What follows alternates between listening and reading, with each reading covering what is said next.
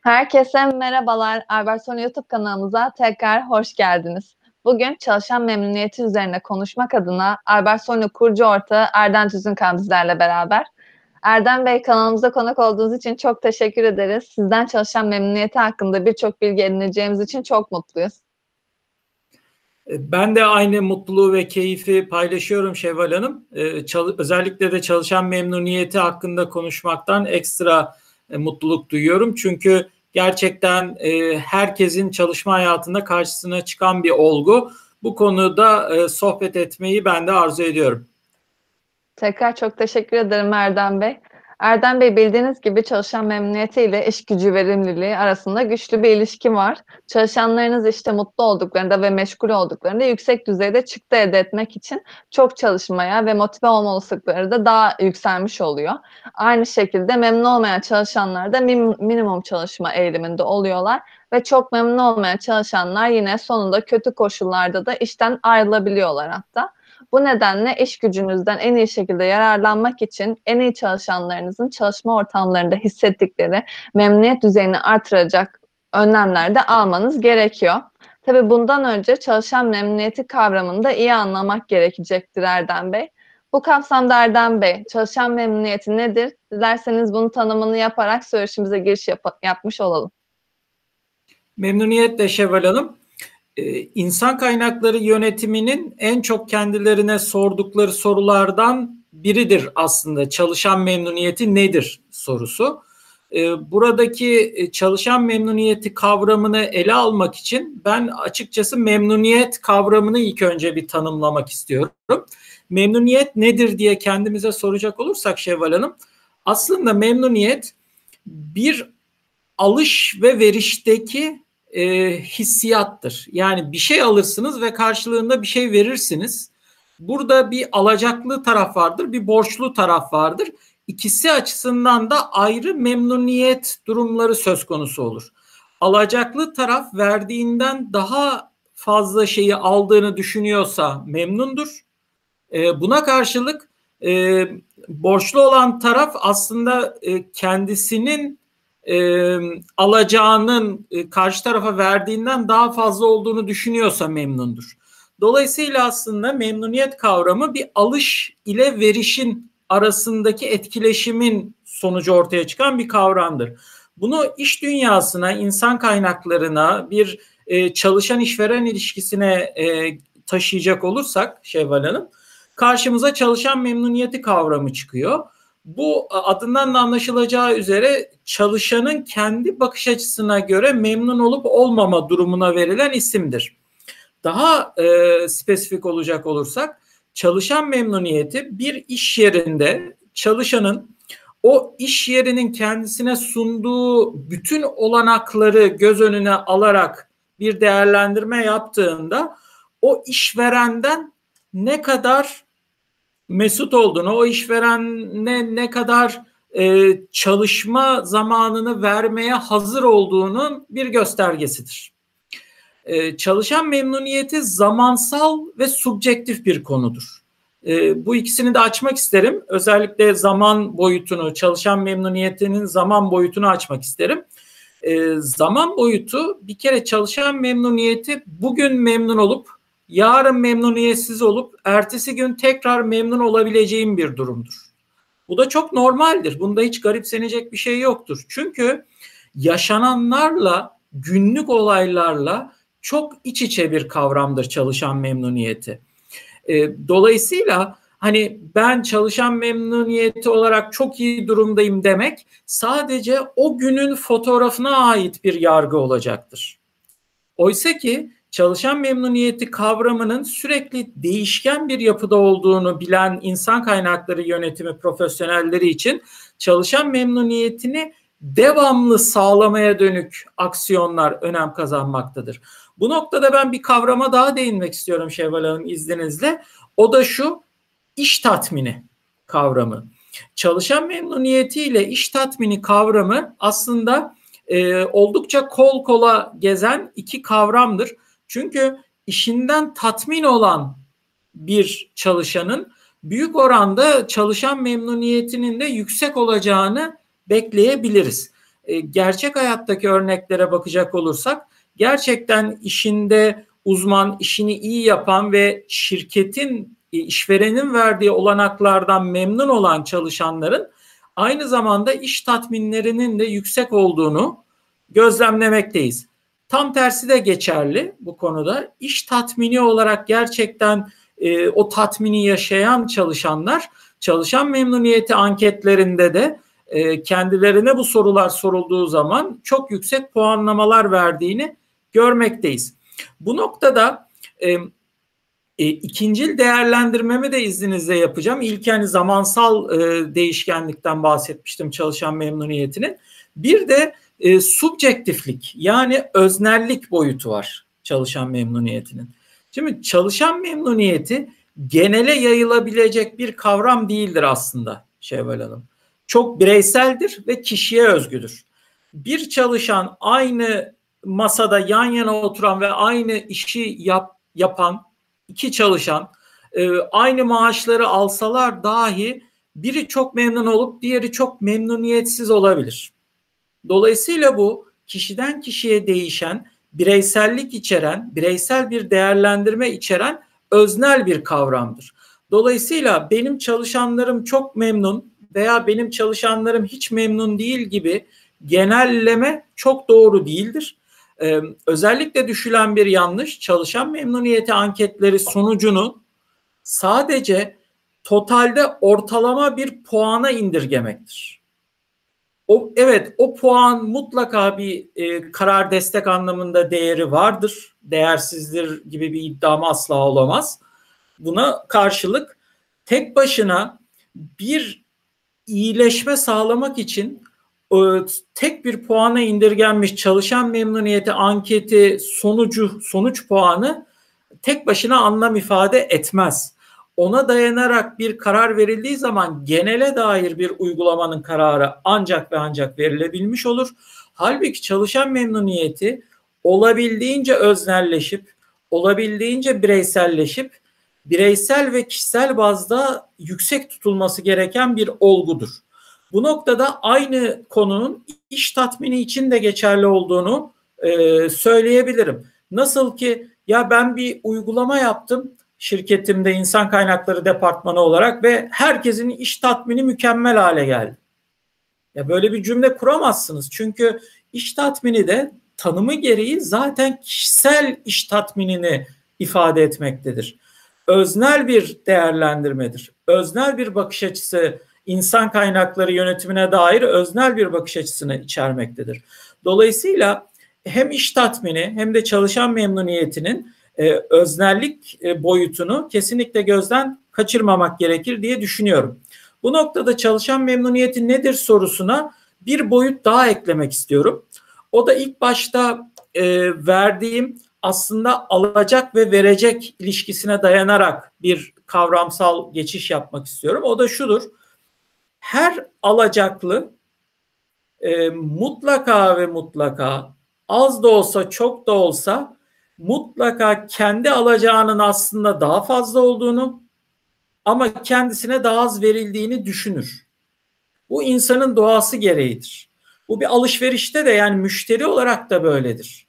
Siz bir e, genelleme kullanacağım izninizle. Tabii ki istisnalar var. Zaten o istisnalar olduğu zaman müşteri boyutunda biz onlara marka elçileri diyoruz. Aldığından çok, e, verdiğinden çok daha fazlasını aldığını düşünen kişiler zaten e, markanın e, harika süpermenleri gibi o markayı yayan insanlar olur. E, aynısı çalışanlar için de geçerlidir. E, iş tatmini çok yüksek olan ve çalışan memnuniyeti çok çok yüksek olan nadir insanlar e, ki nadir bulunurlar bunlar gerçekten. E, o işvereni bir işveren elçisi gibi aslında ününü yayarlar kendiliğinden.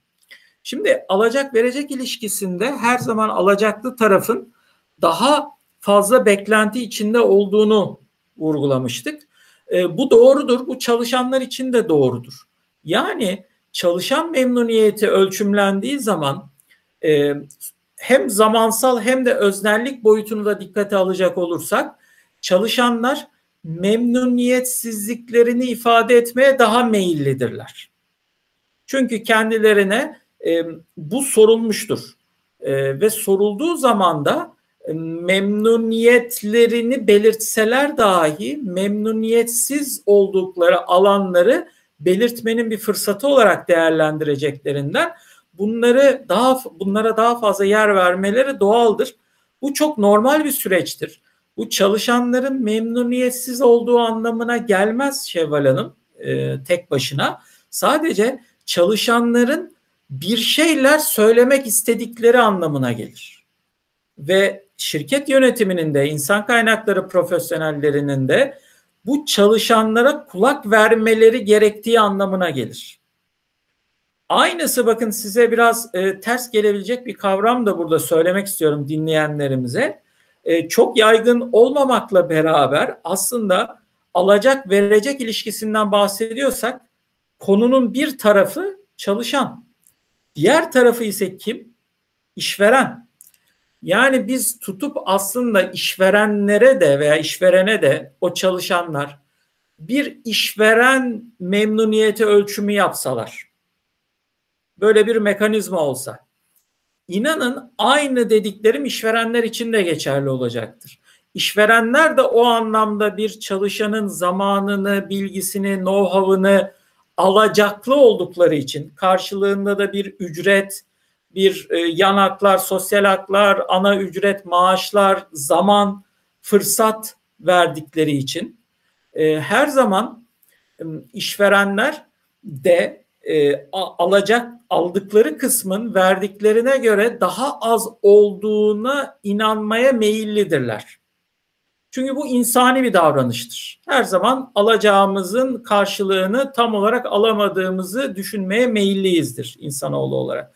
O yüzden tıpkı çalışan memnuniyeti gibi aslında işveren memnuniyeti de e, karşılıklı koyulabilecek iki kavramdır. Her ikisi de zamansaldır, e, subjektiftir ve e, müm, olabildiğince, alabildiğince kişisel e, ve bireyseldir. Dolayısıyla çalışan memnuniyeti kavramını irdelediğimiz zaman mutlaka ve mutlaka e, bunun ne zamana dair olduğunu e, irdeleyebilmeli ve karşı tarafın aslında e, olayı sadece memnuniyet veya memnuniyetsizlik olarak algılamadığını yani siyah veya beyaz olarak görmediğini bunun yerine e, gri'nin tonlarını aslında bize yani işverensek biz bize dile getirmek istediğinin farkında olmalıyız diye düşünüyorum. Çalışan perspektifinden baktığımız zaman ise çalışanın da kendisini ifade edecek bir yol olarak memnuniyet veya memnuniyetsizlik göstergesi aracını kullandığını söyleyebiliriz. Bu kesinlikle çok önemli bir insan kaynakları yönetimi aracıdır. E, kesinlikle çok değer verilmelidir ve çalışan memnuniyeti diğer bütün şirketin performansına yüzde yüz etki edici, doğrudan etki edici, hayati, kritik önemde bir kavramdır diye düşünüyorum Şevval. Çok teşekkür ederim Erdem Bey. Yani sizin, sizin anlattıklarınızdan anladığım kadarıyla bir işletme ancak çalışanları kadar iyi olmuş oluyor bu durumda. Personeli de evde tutma, üretkenlik ve bağlılık artık günümüz iş dünyası içinde en güncel kaygılar olarak sıralanırken sürekli başarı sağlamak için çalışanlar için iş memnuniyetini iyileştirmenin ve inşa etmenin yollarını belirlemek şirket gündeminde de olmalıdır. Zaten sizin anlattıklarınızdan da sebep bunun sebeplerini iyi anlamış olduk. Peki işletmeler bunu nasıl yapacak diye düşünmemiz gerekiyor. Bu kapsamda şöyle bir soru yöneltmek isterim sizlere Erdem Bey. Çalışan memnuniyeti nasıl sağlanır? Çok teşekkür ediyorum Şevval Hanım bu soruyu sorduğunuz için. Ben bir şirketin e, sahibi veya genel müdürü olsam ve şirketime üst düzey yöneticiler almış olsam yeni hangi departman olduğu fark etmez. O kişilere ilk soracağım sorulardan biri çalışan memnuniyeti nasıl sağlanır? Olur. Bu çünkü sadece insan kaynakları yönetimine ait bir kavram değildir. Evet bunun uygulamalarının bir kısmı insan kaynakları departmanı tarafından yürütülür muhakkak. Fakat çalışan memnuniyeti nasıl sağlanır kavramını ele alması gereken e, aslında kişiler mutlaka o şirket içerisindeki o iş biriminin en tepe yöneticileridir. Genel müdür yardımcısı seviyeleri, direktör seviyeleri veya işte C-level e, denilen en tepe yönetici seviyeleri aslında bizzati çalışan memnuniyetini sağlamaktan sorumlu olan kişilerdir. Dolayısıyla çalışan memnuniyetini sağlamanın yolu e, tabiri caizse işi insan kaynakları departmanının sırtına atıp kaçmaktan geçmez. Bil fiil elinizi taşın altına koyup üst yönetim olarak bu konu hakkında düşünmekten geçer. İnsan kaynakları departmanı ise sizin bu noktada birer karar destek mekanizması olarak aslında ve iç danışman olarak bir nevi gerçekten yardımcınızdır. Ama unutmayın ki e, küfe sizin sırtınızdadır. Yani diyelim ki tarlanızdan pazara patatesleri taşıyorsanız onu insan kaynakları e, profesyonellerine taşıtamazsınız. Onu bizzat üst yönetim olarak sizler taşımakla sorumlusunuz. E, burada ama size o küfeyi sağlayacak olan, o küfenin e, ne bileyim ben delik barındırmadığını e, ve işte ne kadar diyelim ki o küfenin ne kaç kilo patates alabileceğini e, bilgilendirecek olan, yönlendirecek olanlar ise insan kaynakları profesyonelleridir. Bu açıklamayı yaptıktan sonra Şevval Hanım sorunuzu şöyle yanıtlamak isterim tam anlamıyla. Aslında e, benim kişisel görüşüme göre 6 adımda çalışan memnuniyeti nasıl sağlanır gibi bir e, girizgahta size bunu anlatabileceğimi düşünüyorum. Dolayısıyla gelin bu çalışan memnuniyeti sağlamanın 6 adımını beraber irdeleyelim. Bunlardan ilki e, bence şudur ve belki de en önemlisi Şevval Hanım. Çalışanlarınıza değer verdiğinizi hissettirin. Eğer çalışan memnuniyetini arttırmak istiyorsanız ister işveren olur, ister e, departman yöneticisi, isterseniz insan kaynakları profesyoneli çalışanlarınıza değer verdiğinizi mutlaka ve mutlaka hissettirmelisiniz. Ha bir adım daha geriye atabilirim tabii ki bundan. Yani değer vermiyorsanız zaten mutlaka değer vermelisiniz. Ama değer vermekle kalmayın. Değer verdiğinizi de o çalışanlarınıza mutlaka ve mutlaka hissettirmelisiniz.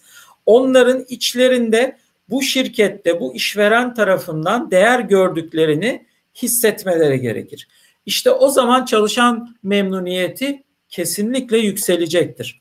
Bunu örneklendirmek gerekirse Şevval Hanım, şimdi bir iş yeri düşünün. Bu iş yerinde çalışanları e, toplanılıyor, onlarla e, açık iletişim kuruluyor, e, kendilerinin geleceklerine dair e, düşünceler paylaşılıyor, şirketin gidişatına dair fikirleri soruluyor, fikirleri dikkatle dinleniyor ve bu fikirler uygulamaya geçmese de kendilerine katkı sundukları için teşekkür ediliyor. Bir başarı gösterdikleri zaman takdir ediliyor. Bir başarısızlıkta eleştiri yapılmakla beraber yapıcı eleştiri olarak belki biraz daha koçluk yapılıyor. E, böyle bir işletmede gerçekten o çalışan, o işçi, o e, bu işletme bünyesinde olan kişi değer gördüğünü hisseder ve iş tatmini yükselir. Bu noktada da çalışan memnuniyeti yükselecektir diye düşünüyorum. Gelelim ikinci adıma, çalışan memnuniyeti sağlamanın ikinci adımına. O da şu, çalışanlarınızla şeffaf ve açık iletişim kurun. Çalışan memnuniyeti nasıl sağlanır sorusunu e, bence zaten bir iletişim şekli olarak en kolay yanıtlamanın e, yolu zaten bu sorudaki netlik kadar net olmaktır çalışana. Açık olmaktır, çalışanla şeffaf bir diyalog kurmaktır. Çünkü e, çalışan memnuniyeti dediğiniz zaman memnuniyetin çok bireysel ve öznel bir değerlendirmenin sonucunda ortaya çıktığından bahsetmiştik. Şimdi bu durumda bir bu bireyselse hem de bir değerlendirme barınıyorsa bunlar tabiri caizse esebilecek her rüzgardan olumlu veya olumsuz etkilenebilecektir demektir. Ee, yani biraz daha benzetmemizi geliştirecek olursak bir e, teknemiz olduğunu düşünelim, bir yelkenlimiz olduğunu düşünelim ve denize açıldığımızı düşünelim. Bu noktada rüzgar eğer belli bir e, e, şiddette e, ve düzenli olarak esiyorsa biz bunu lehimize çevirip çok ciddi teknemizi, yelkenlimizi ileriye götürebiliriz ve gitmek istediğimiz yere istediğimiz zamanda varabiliriz. Fakat aynı rüzgar e, aynı yelkenliğe çok şiddetli ve fırtına şeklinde eserse ve sürekli yön değiştiren şekliyle e, kaotik bir şekilde eserse işte o zaman o teknenin mahvolduğu andır. Çünkü o fırtınada deniz de kabaracaktır. O fırtınada e, kesinlikle dalgalar da yükselecektir ve gitmek istediğiniz yöne değil aslında rüzgarın sizi bir o yana bir bu yana savurduğu yöne doğru gidiyor olacaksınızdır. Hedeflerinizden de uzaklaşıyor olacaksınızdır. Bu benzetmeyi çalışan memnuniyeti sağlamanın e, düzlemine taşıyacak olursak o zaman da şunu belirtmemiz lazım. Sizin kurduğunuz iletişim oradaki rüzgar gibidir. Eğer siz e, çalışanınıza yani oradaki örneğimizdeki yelkenliğe doğru zamanda açık bir şekilde, öngörülebilir bir şekilde, şeffaf bir şekilde yönünüzü anlatabiliyorsanız, hızınızı gösterebiliyorsanız, hedefleri gösterebiliyorsanız, öngörülebilir şekilde geleceği e, anlatabiliyorsanız çalışanınız da sizden memnun olacaktır. Ve bu çalışan memnuniyeti de kesinlikle e, iş yerinde başarı, performansta artış e, olarak size işveren olarak yansıyacaktır. Fakat aynı rüzgar yani iletişim rüzgarı bu sefer çalışana bir oradan bir buradan vurursa kaotik bir şekilde bugün dediğini yarın yalanlarsa e, deli bir şekilde işte bugün çok sert çıkıp yarın hiç esmezse veya çok uzunca süreler düşünün ki te, e, denizdesiniz ama rüzgar yaprak kımıldamıyor. Yani sizinle bir Allah'ın kulu konuşmuyor. O tekne ilerleyebilir mi? Nasıl ilerleyecek? Olduğu yerde kala kalır veya batar. O şirketten gider. Veya bir başka yanından geçen gemiyi görür. O gemi ona çok daha cazip gelir ve teknesini o gemiye bağlar ve o geminin peşinden sürüklenir. Dolayısıyla çalışan sirkülasyonunu da minimize etmek için aslında doğru iletişim, açık iletişim ve şeffaf iletişim çok önemli. Burada özellikle yapıcı eleştiri kavramını da e, ortaya koymak istiyorum Şevval Hanım. E, mutlaka ve mutlaka hem iyi yönleri için hem gelişime açık yönleri için çalışanımızla yapıcı iletişim kurmamız gerekiyor. Artı yönlerini, eksi yönlerini, fırsatları, tehditleri, e, performansının nasıl daha iyi olabileceğini mutlaka ve mutlaka çalışanımızla paylaşmamız gerekiyor. Bununla e, yetinmeyip e, çalışanımıza dair, geleceğe dair kurduğumuz hayalleri, bu şirketin geleceğine dair kurulan hayalleri, vizyonumuzu, o vizyondaki çalışanımızın yerini aslında çok net biz anlatırsak ve karşı tarafa soru sorarsak e, bence en etkili cevapları alırız. Yani çalışanımıza şunu sormalıyız diye düşünüyorum. E, ben senin memnuniyetini nasıl arttırırım? Veya senin kafanda soru işareti kalan bir nokta var mı? Bu kadar şeffaf, net, e, duygusallıktan uzak, profesyonelce konuşmayı öneriyorum.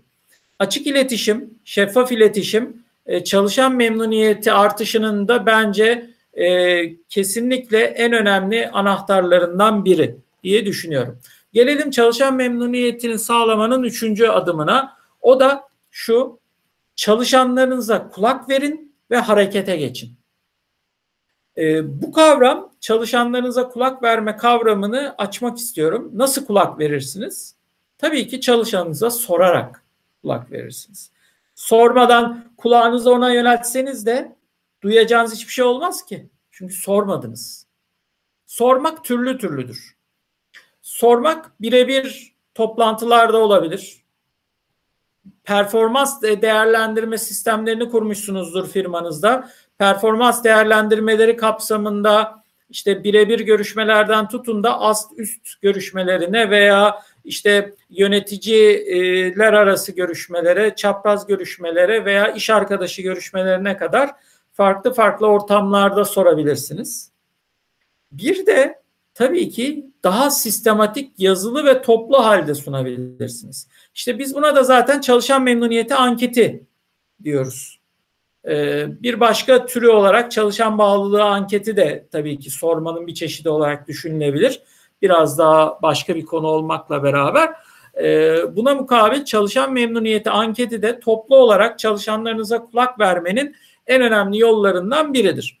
Peki e, dikkat edecek olursanız ben bu konunun başlığını sadece çalışanlarınıza kulak verin olarak seçmedim. Devamı da var. Neydi o? Harekete geçin. Çünkü bazen şu yanılgıya düşebiliyor firmalar. Ben e, çalışanımla işte birebir toplantı yaptım. İşte performans değerlendirme sistemlerini kurdum. Hem rakamsal olarak performans, bireysel performans yönetimini gerçekleştirdim. Performans değerlendirme metotlarından en popüler olanını, en güncel olanını, en yenilikçi olanını uyguladım. Ama çalışanım memnun mu acaba? Olabilir de olmayabilir de. Ama bunu bilmiyorsunuz. Çünkü e, yapmanız gereken bir şeyi belki de henüz yapmadınız. O da şu. Sadece konuşmak evet çalışanı rahatlatacaktır. Çalışanı bir miktar motive edecektir. Çalışanın belki performansını tek başına bile arttırabilecek bir kavramdır. Konuşmak, ona fikrini sormak, onu e, fikrini sorduğunuz zaman çünkü ona değer verdiğinizi de hissettirirsiniz örneğin. Ama orada eksik kalan şey harekete geçmek. Yani çalışanın sıkıntı duyduğunu söylediği konularda eksik olarak gözlemlediğini e, gözlemlediğini iddia ettiği konularda aksiyon almanız gerekir. Bu aksiyon çalışanın her dediğini yapmak anlamında olmayacaktır. Çünkü şirketin kaynakları da sınırlıdır. İşte belki çalışanın o anki değerlendirmesi de subjektiftir ve genel iyiye hizmet etmeyecek bir değerlendirme de olabilir. Bunların hepsi okey. Bununla beraber genelde ortaya çıkan ve bazı özel kişisel e, departmansal veya kişisel bazda ortaya çıkan konulara sessiz kalmamanız gerekir. En kötü hareket hareketsizlikten daha iyidir Şevval Hanım bu konularda insan kaynakları yönetiminde özellikle. Çünkü insan aslında kırılgan bir canlıdır duygusal anlamda özellikle. Dolayısıyla kırıldı mı bir kere onu tekrar eski haline getirmesi tıpkı camı yapıştıramamak gibi çok çok zordur. imkansa yakındır. Dolayısıyla o e, kırılgan insanı kırmadan kazanmaya bakmak için kendisine kulak verdiğinizi ve o verdiğiniz kulakta duyduğunuz cümlelere göre harekete geçtiğinizi karşı tarafa hissettirmeniz gerekir. Somut adımlarla, somut insan kaynakları iyileştirme projeleriyle mutlaka ve mutlaka çalışanın hayatını güzelleştirmeye doğru adımlar attığınızı göstermeniz gerekir diye düşünüyorum. Gelelim dördüncü adıma çalışan e, bağlı çalışanların memnuniyetini sağlama yönünde. O da şu e, bir öncekinin devamı gibi çalışan bağlılığını arttıracak uygulamalar yapın. Bu noktada çalışan memnuniyetini arttıracak uygulamalar yapın demedim. Onu belki bir önceki başlıkta demiş oldum.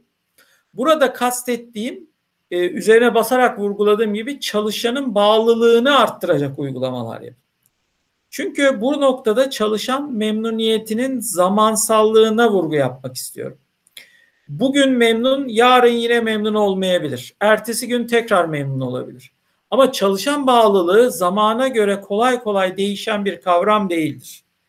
Daha sıfırla bir arası gibidir. Yani ya siyahtır ya beyazdır.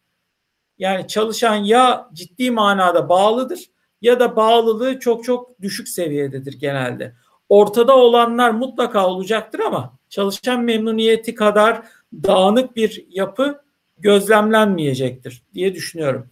Bu noktada çalışan bağlılığını arttıracak uygulamalar e, bir şirketin geleceğini kurtaracak uygulamalar olacaktır. Çünkü çalışanların bağlılığı e, esas e, şirketin doğrudan gelecek vizyonuna hizmet eden çalışanları ön plana çıkaracaktır. Ve bu noktada da bu çalışanlar işte gerçekten bana katkı sağladı denilen çalışanlar olacaklardır. Dolayısıyla çalışan bağlılığını arttıracak uygulamalar da daha çok e, şirketin ve çalışanın hedeflerinin uyumlulaştırmasıyla alakalıdır. Şirketin ve çalışanların temel değerlerini uyumlulaştıracak uygulamalar çalışan bağlılığını arttıran insan kaynakları uygulamaları olacaktır. Bunları kesinlikle hayata geçirmeyi çalışan memnuniyetini sağlama anlamında tavsiye ediyorum. Gelelim beşinci başlığımıza. Ee, bu, buradaki söyleyeceğim şey de şu olacaktır. İnsan kaynakları yönetiminde adaletli ve ilkeli olun. Ee, kesinlikle çalışan memnuniyeti sağlamanın yolu insan kaynakları uygulamalarında adaletli olmaktan geçer. Adaletli olmanın yolu da aslında o işverenin, o şirketin ve orada çalışan e, profesyonellerin e, yaptıkları iş uygulamalarında ve insan kaynakları uygulamalarında bir temel bir derken bir veya birkaç temel ilkeleri olmasını ve bu ilkelere bağlı kalmalarını gerektirir. Çünkü bu ilkelerden kopuldukça adalet duygusu zedelenmeye başlayacaktır. Adalet duygusu zedelendikçe de çalışan kendini memnun hissetmemeye başlayacaktır. Çünkü insanın çok temel bir güdü, içgüdüsü var Şevval Hanım. O da şu. Biz haksızlığa dayanamayız insanoğlu olarak. Bakın e, işte düşük maaşa dayanabiliriz. Bunu kabul edebiliriz, içimize sindirebiliriz. Verdiğimiz, değer aldığımız para e, şeyinde bunu sindirebiliriz. Ama siz mesela bir asgari ücret alarak belki hani bir iş yerinde 30 yıl çalışabilirsiniz. Hani böyle insanlar e, olabilir. Hem de çok fazla sayı da var. E, öte yandan yine asgari ücretle çalışan ve aynı masada aynı işi yapan iki kişiyi düşünün. Bir e, insan kaynakları profesyoneli olarak siz yıllık zam görüşmesinde işte aynı kişiye performansının daha düşük olduğunu bil, bilmenize rağmen e, işte asgari ücretten 200 lira daha fazla artış yapıldığını görüyor. Peki aynı artışın size yapılmadığını aynı zamanda görüyorsanız orada o 200 lirayı kazanamamak sizi rahatsız etmez. Sizi rahatsız eden performansın değerlendirmesinde adaletsiz olunması şirketin ana temel ilkelerinden sapılması ve bunun sizde e, yarattığı tepkisel durumdur. İşte bu tepki de sizin çalışan memnuniyetinizde bir anda çok ciddi düşüşlere e, sebebiyet verir. O açıdan yapılması gereken şey insan kaynakları uygulamalarında mutlaka ve mutlaka adaleti tesis etmektir. Peki adalet nasıl tesis edilir? O da işte şirketin tabii ki bulunduğu sektöre, e, işin durumuna, şirketlerin büyüklüğüne göre değişmekle beraber en temelde e, performans değerlendirme sistemlerini kurmak, e, bireysel ve kurumsal performans değerlendirme sistemlerini uygulamaya almak, e, bu noktada kişilerin e, maaş, yan hak, e, sosyal hak gibi kavramlarında mutlaka ve mutlaka o dengeyi kurmaya çalışmaktan geçer. Dolayısıyla e, insan kaynakları olarak e, veya insan kaynakları profesyonelleri olarak şirketlerin üst yönetimine verilebilecek en güzel hediye aslında bu performans sistemlerini doğru tasarlamak veya işte dış destekle tasarlatmak ve bunları doğru uygulamaktan geçer. Bu sayede adalet ve ilkeli olma kavramı gerçekten canlı kanlı bir şirkette uygulamada olur ve bu sayede de çalışan memnuniyeti sağlanır diye düşünüyorum. Gelelim bu anlamdaki son ve altıncı adımımıza. O da şu Şevval Hanım. Çalışanlarınıza emir değil koçluk verin. Şimdi çalışan yönetimi tabii ki çok zor bir kavram.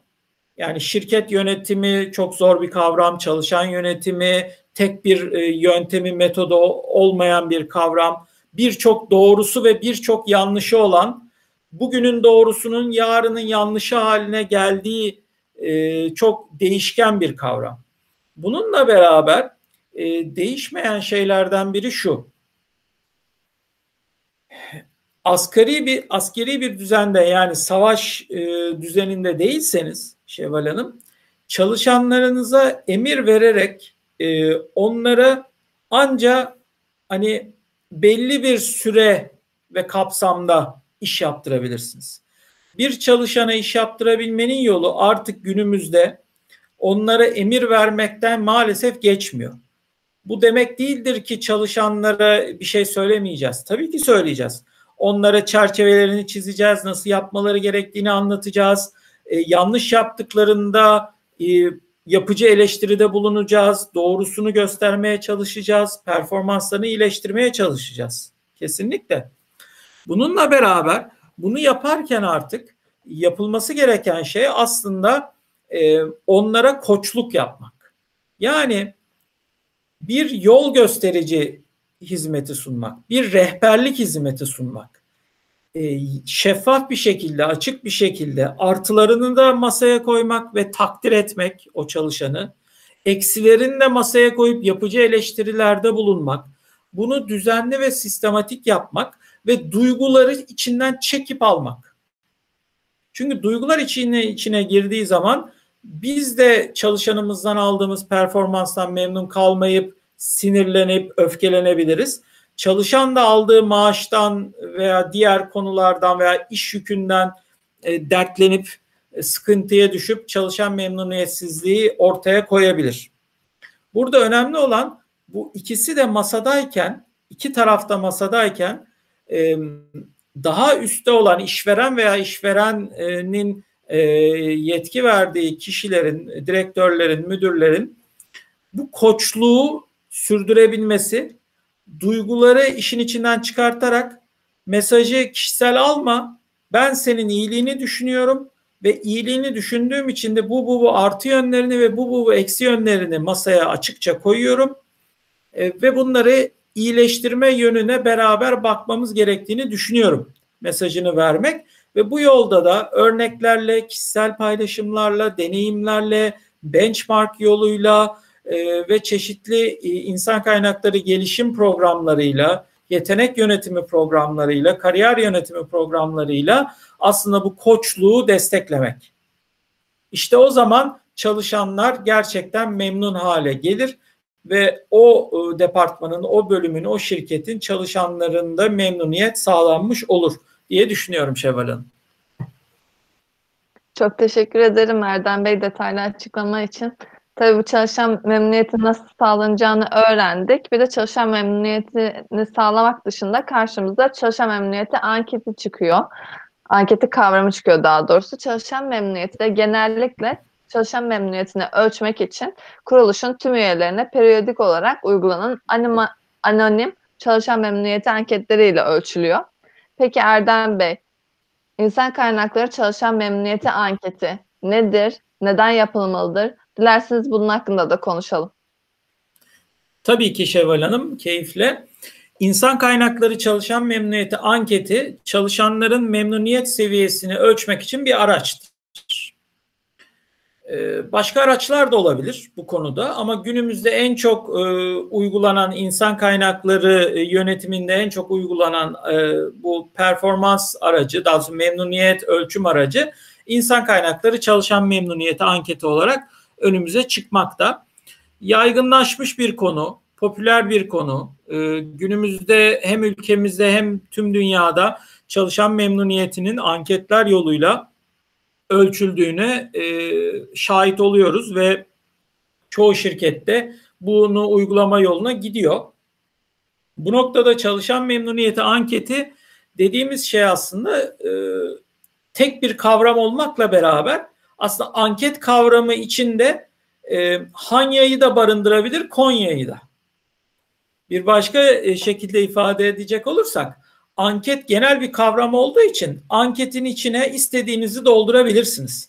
Dolayısıyla aslında çalışan memnuniyeti anketini uyguluyorum diyen firmalar yöntem olarak aynı yöntemi uygulamakla beraber aslında çok farklı e, çalışmalar yapıyor olabilirler.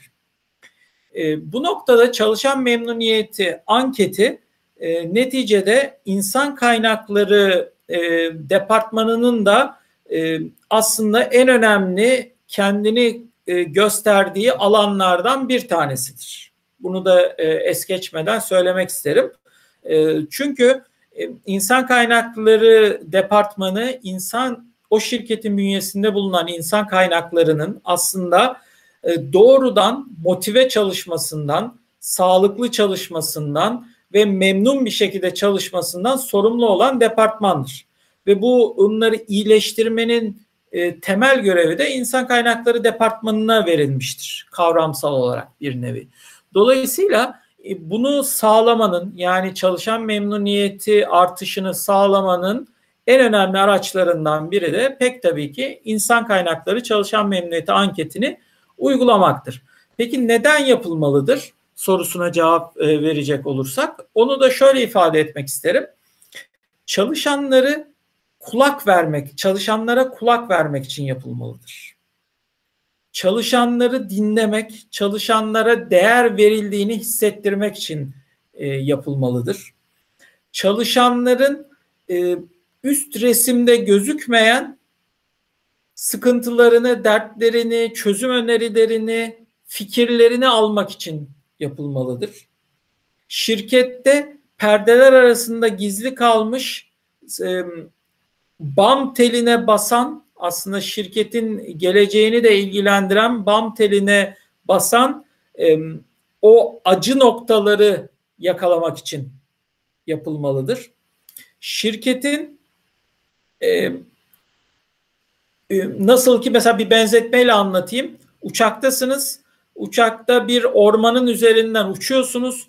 O ormanın üzerinden uçarken evet ormanın e, bittiği yeri, başladığı yeri, gölle olan kıyısını, işte ne bileyim nerede dağlara kadar çıktığını görürsünüz. Ama göremeyeceğiniz şey o ağacın içindeki bir tane kayın ağacının o karlarının e, yağmış olan karın altında kalan e, bir kuş yuvasındaki o kuşun e, acı ötüşünü, o kardan kurtulmaya çalışışını ve oradaki o annesini arayışını duyamazsınız, göremezsiniz, hissedemezsiniz. Oysa o kuş sizin çalışanınız. Oradaki acı çığlıklar onların memnuniyetsizlik ifadesi. Oradaki kuş ve kanat da aslında yarın bir gün o ilk kar kalkıp eridiği anda o kayın ağacından o kanatlarıyla uçup başka ormanlara gideceğinin habercisi. Dolayısıyla siz eğer o uçakta kalmaya devam edip ki gereklidir strateji için, üst bakış açısı için mutlaka gereklidir ama sadece ve sadece o uçakta tepede kalmaya devam ederseniz üst yönetim olarak çalışanlarınızı öznel, bireysel seviyede kişiselleştirilmiş bazda değerlendirip neler yaşadığını duyumsayamaz hale gelirseniz işte o zaman çalışanınızı kaybetmekte karşı karşıya kalırsınız. İşte bu yüzden çalışan memnuniyeti anketi işte uçaktaki uçan pilotun o milyon tane kayın ormanındaki tek bir kayın ağacının üzerindeki o yuvadaki yavru kuşun sesini duymasının aracıdır ve o sesi duymak için yapılmalıdır diyeyim ve sözü size vereyim Şevval Hanım. Tekrardan çok teşekkür ederim Erdem Bey. Bildiğiniz gibi çalışan memnuniyeti dendikten sonra bir de karşımıza çalışan bağlılığı kavramı çıkıyor ve bu iki kavram da birbirine oldukça karıştırılan kavramlar. Bu kapsamda dilerseniz sizden çalışan bağlılığının ne olduğunu da öğrenelim. Çalışan bağlılığı nedir? Çalışan memnuniyeti ve çalışan bağlılığı arasındaki fark nedir? Bir de bunun hakkında konuşalım Erdem Bey.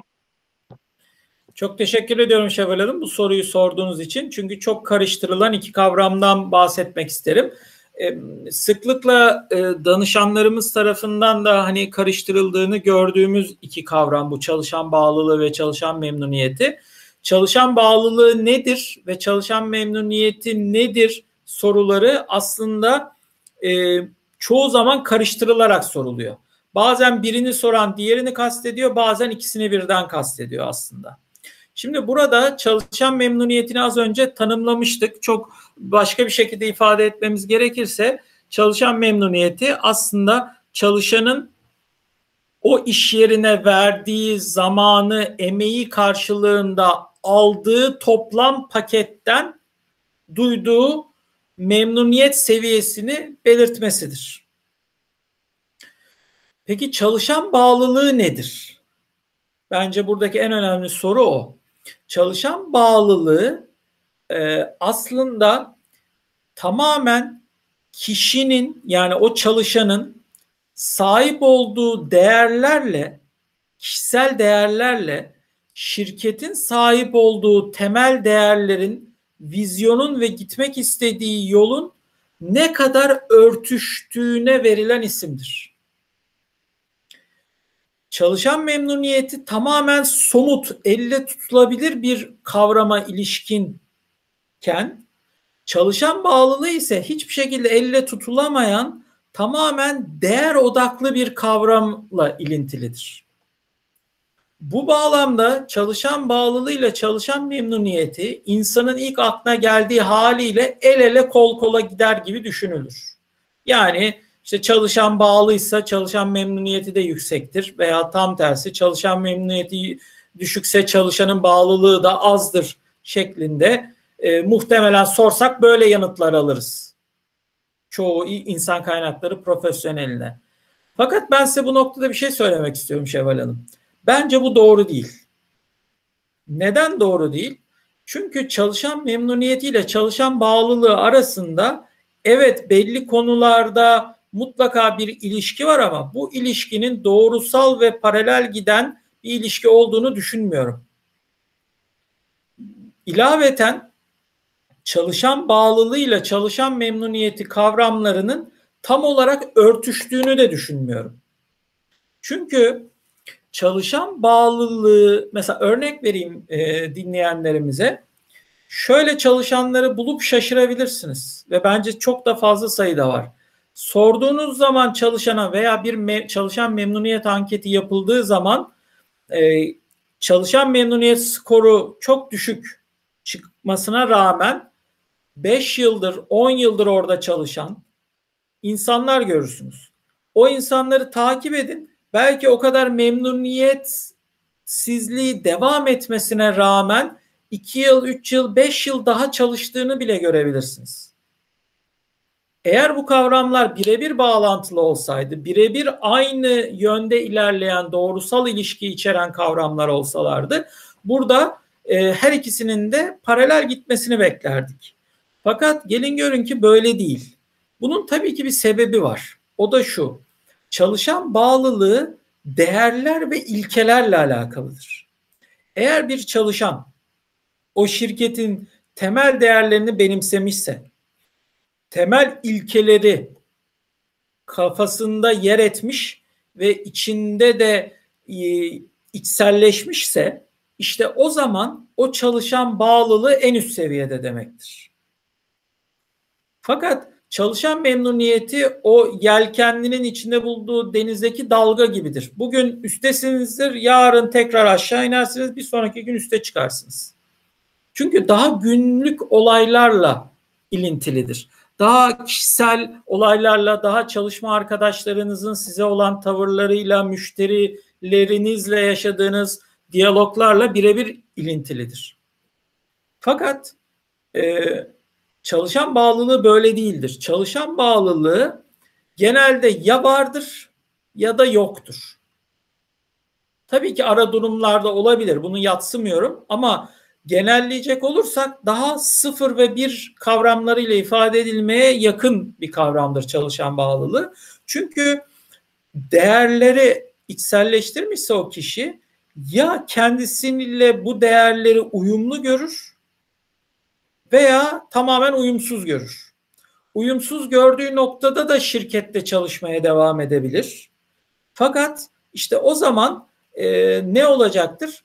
Bir ilk bir teklif geldiğinde bu teklifi bir kere her şeyden önce dinlemeye açık olacaktır. O çalışan o bağlılığı hissetmediği anda dışarıya doğru antenleri açık olacaktır. Ve kendisine daha cazip bir teklif geldiğinde bunu kabul edip çalışan sirkülasyonu sayılarına dahil olup başka şirkete yelken açacaktır. Fakat çalışan memnuniyeti kavramı doğrudan bir çalışanın sirkülasyonunu doğrudan etkilemez aslında. Dolaylı etkiler. Çünkü daha subjektif bir kavram olduğu için değişkenlik de arz edebilir. Rüzgar biraz öbür yönden eserse tekrardan çalışan memnuniyetini sağlayabilirsiniz. Ama çalışan bağlılığını kaybettiği anda o değerleri tekrardan tesis etmek gerçekten çok zordur.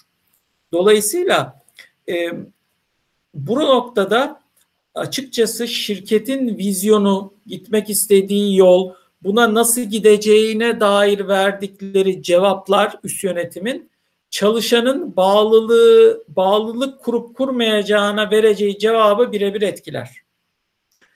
Bu iletişimin hiç yapılmadığı ortamlarda yani şirketin değerlerinin belli olmadığı, çalışana aktarılamadığı durumlarda aslında e, kesinlikle çalışan bağlılığının çok çok düşük olduğunu iddia edebiliriz. Çünkü değerin daha ortaya çıkmadığı veya iletişim olarak e, karşı tarafa verilmediği noktalarda çalışan bağlılığı e, çok alt seviyede olacaktır kendiliğinden. Çünkü çalışan bağlanacak bir e, mesela yelkenli örneğimizi düşünelim. Çalışan bağlanacak bir kendine sağlam bir yer bulamayacaktır.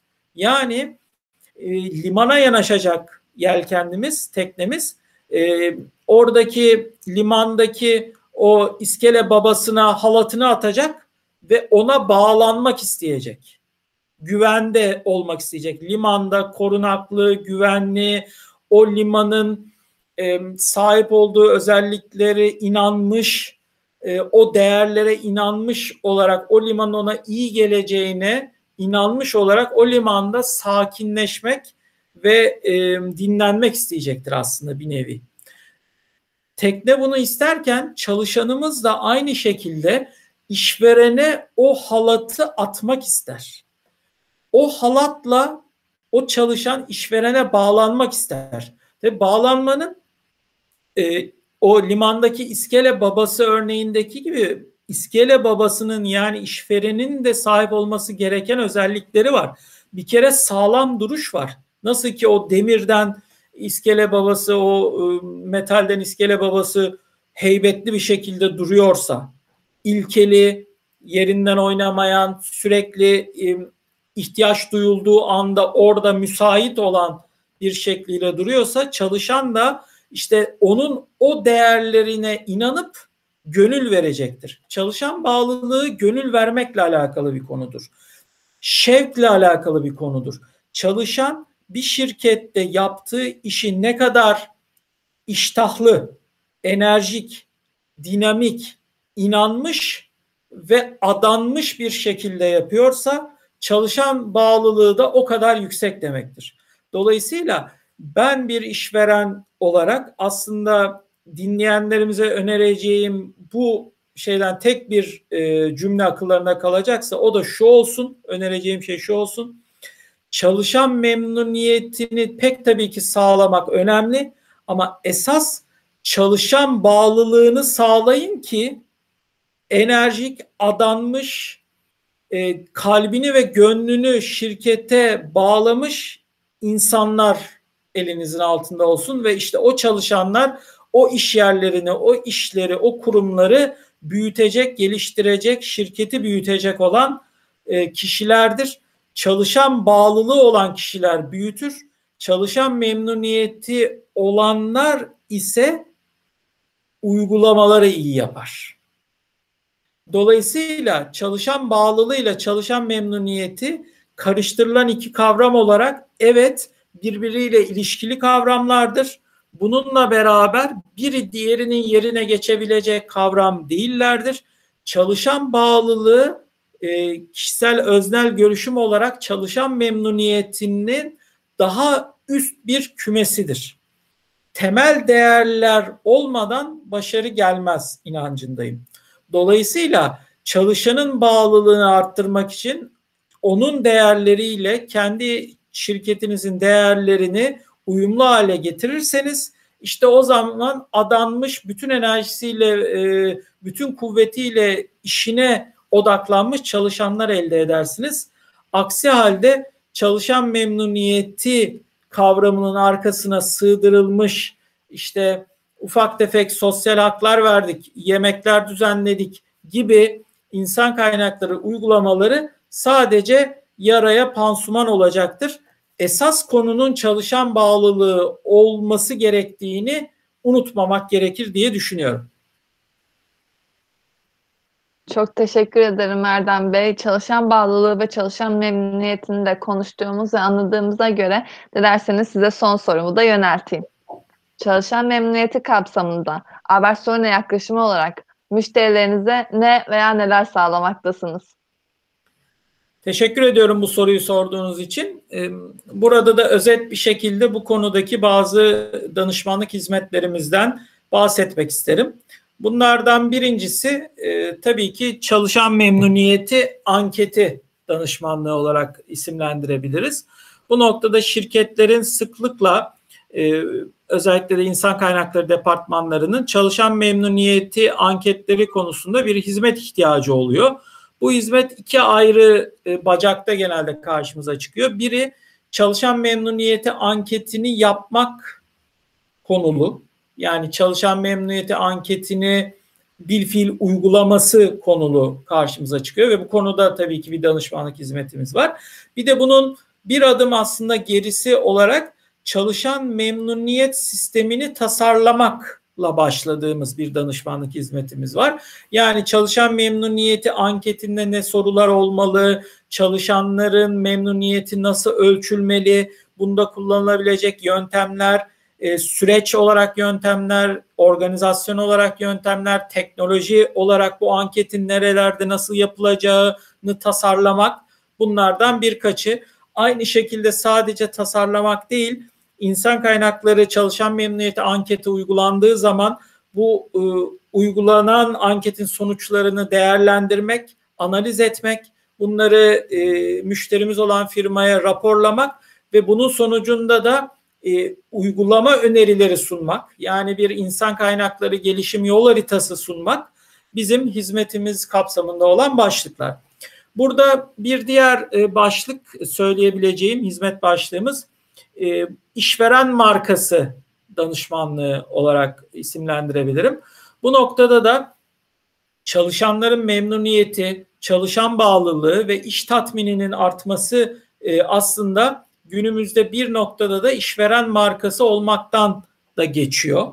Belki sadece bundan geçmiyor ama işveren markası olmak bu üç kavrama da çok büyük e, değer katıyor. İşveren markası nasıl olunur? İşveren markası olmak için yapılması gereken şeyler nelerdir sorusuna strateji bazında ve uygulama bazında cevap verdiğimiz bir danışmanlık hizmetimiz bu Şevval Hanım. İşte işveren markası olmak için e, stratejimizi kurguluyoruz. Oradaki süreçsel tasarımlarımızı yapıyoruz. E, işvereninin markasını aslında bir nevi belirliyoruz. Bu işveren markasının hayata geçmesine hizmet edecek alt uygulamaları tasarlıyoruz ve bunun e, iletişiminin nasıl yapılacağını tasarlıyoruz. Bu da bu e, işveren markası danışmanlığı kapsamındaki hizmetler. Bir üst başlığı e, genel manada aslında insan kaynakları danışmanlığı olarak isimlendirebilirim. Çünkü bazen çalışan memnuniyetine gelince değin aslında sorunun çok daha derinde, kökte olduğunu gözlemleyebiliyoruz. Dolayısıyla bir uçtan uca İK dönüşüm ihtiyacı şirketlerde, kurumlarda ortaya çıkmış olabiliyor. Biz de bu ihtiyaç çerçevesinde insan kaynakları departmanının kurulumundan organizasyon ve süreç tasarımına, e, insan kaynakları planlamasının yapılmasından norm kadro çalışmalarına kadar bir uçtan uca İK dönüşüm projesi yürütebiliyoruz. E, bu noktada söylemek istediğim e, sonuncu başlıkta bireysel performans sistemi tasarımı. Çünkü genelde performans sistemleri doğrudan çalışan memnuniyetine etki eden konular e, Şevval Hanım. Dolayısıyla işte ister kurumsal karne bakış açısından gelen, isterse daha e, günümüzde giderek popülerleşmeye başlayan OKR, e, OKR metodolojisinden e, ilham alan e, performans yönetim sistemleri tasarlıyoruz. Bunları hem kurumsal bazda uygulayabiliyoruz hem de bireysel performans yönetim sistemlerini tasarlayıp işte performansı nasıl değerlendireceğimizi belirleyip buradaki yetkinlik modellerini ve bu yetkinliklerin değerlendirmedeki ağırlıklarının ne olacağını belirlediğimiz uçtan uca bir süreç e, danışmanlığı hizmeti verebiliyoruz. Bu şekilde umarım sorunuzu cevaplamış oldum. Tabii ki Erdem Bey. Çok teşekkür ederim tekrardan. Bugün çalışan memnuniyeti üzerine konuşmak adına Albert Sonra kurucu Erdem Tüzünkan bizlerle beraberdi. Tekrardan Erdem Bey'e teşekkür etmek isterim. Erdem Bey çok keyifli bir söyleşi oldu. Bu kapsamda kanalımıza konuk olduğunuz için çok teşekkür ederiz. Ben de e, çok büyük keyif aldım Şevval Hanım. Bu söyleşilerinizden e, gerçekten haz duyuyorum ve e, az da olsa bizim bu insan kaynakları profesyonelleri olsun, tüm iş dünyası olsun veya öğrenci arkadaşlarımız olsun eğer bu merak ettikleri konularda biraz katkı sunabiliyorsak ne mutlu bize. Bu noktada bizim Albert Solino YouTube hesabımıza abone olarak takip ederek e, daha da fazla e, katkı alabileceklerini inanıyorum. E, bunu hem bu videoyu beğenerek hem de hesabımıza takip ederek açıkçası bizi daha çok dinleyebilirler, bize ulaşabilirler diye düşünüyorum. Tekrardan çok teşekkür ederim Erdem Bey. Evet ben de izninizle izleyicilerimize teşekkür etmek isterim. İzleyen herkese çok teşekkürler. Erdem Bey'in de dediği gibi kanalımıza abone olabilirsiniz. Sorularınız varsa yorum bırakabilirsiniz ya da iletişim bilgilerimizden bize ulaşabilirsiniz. Herkese iyi günler diliyorum.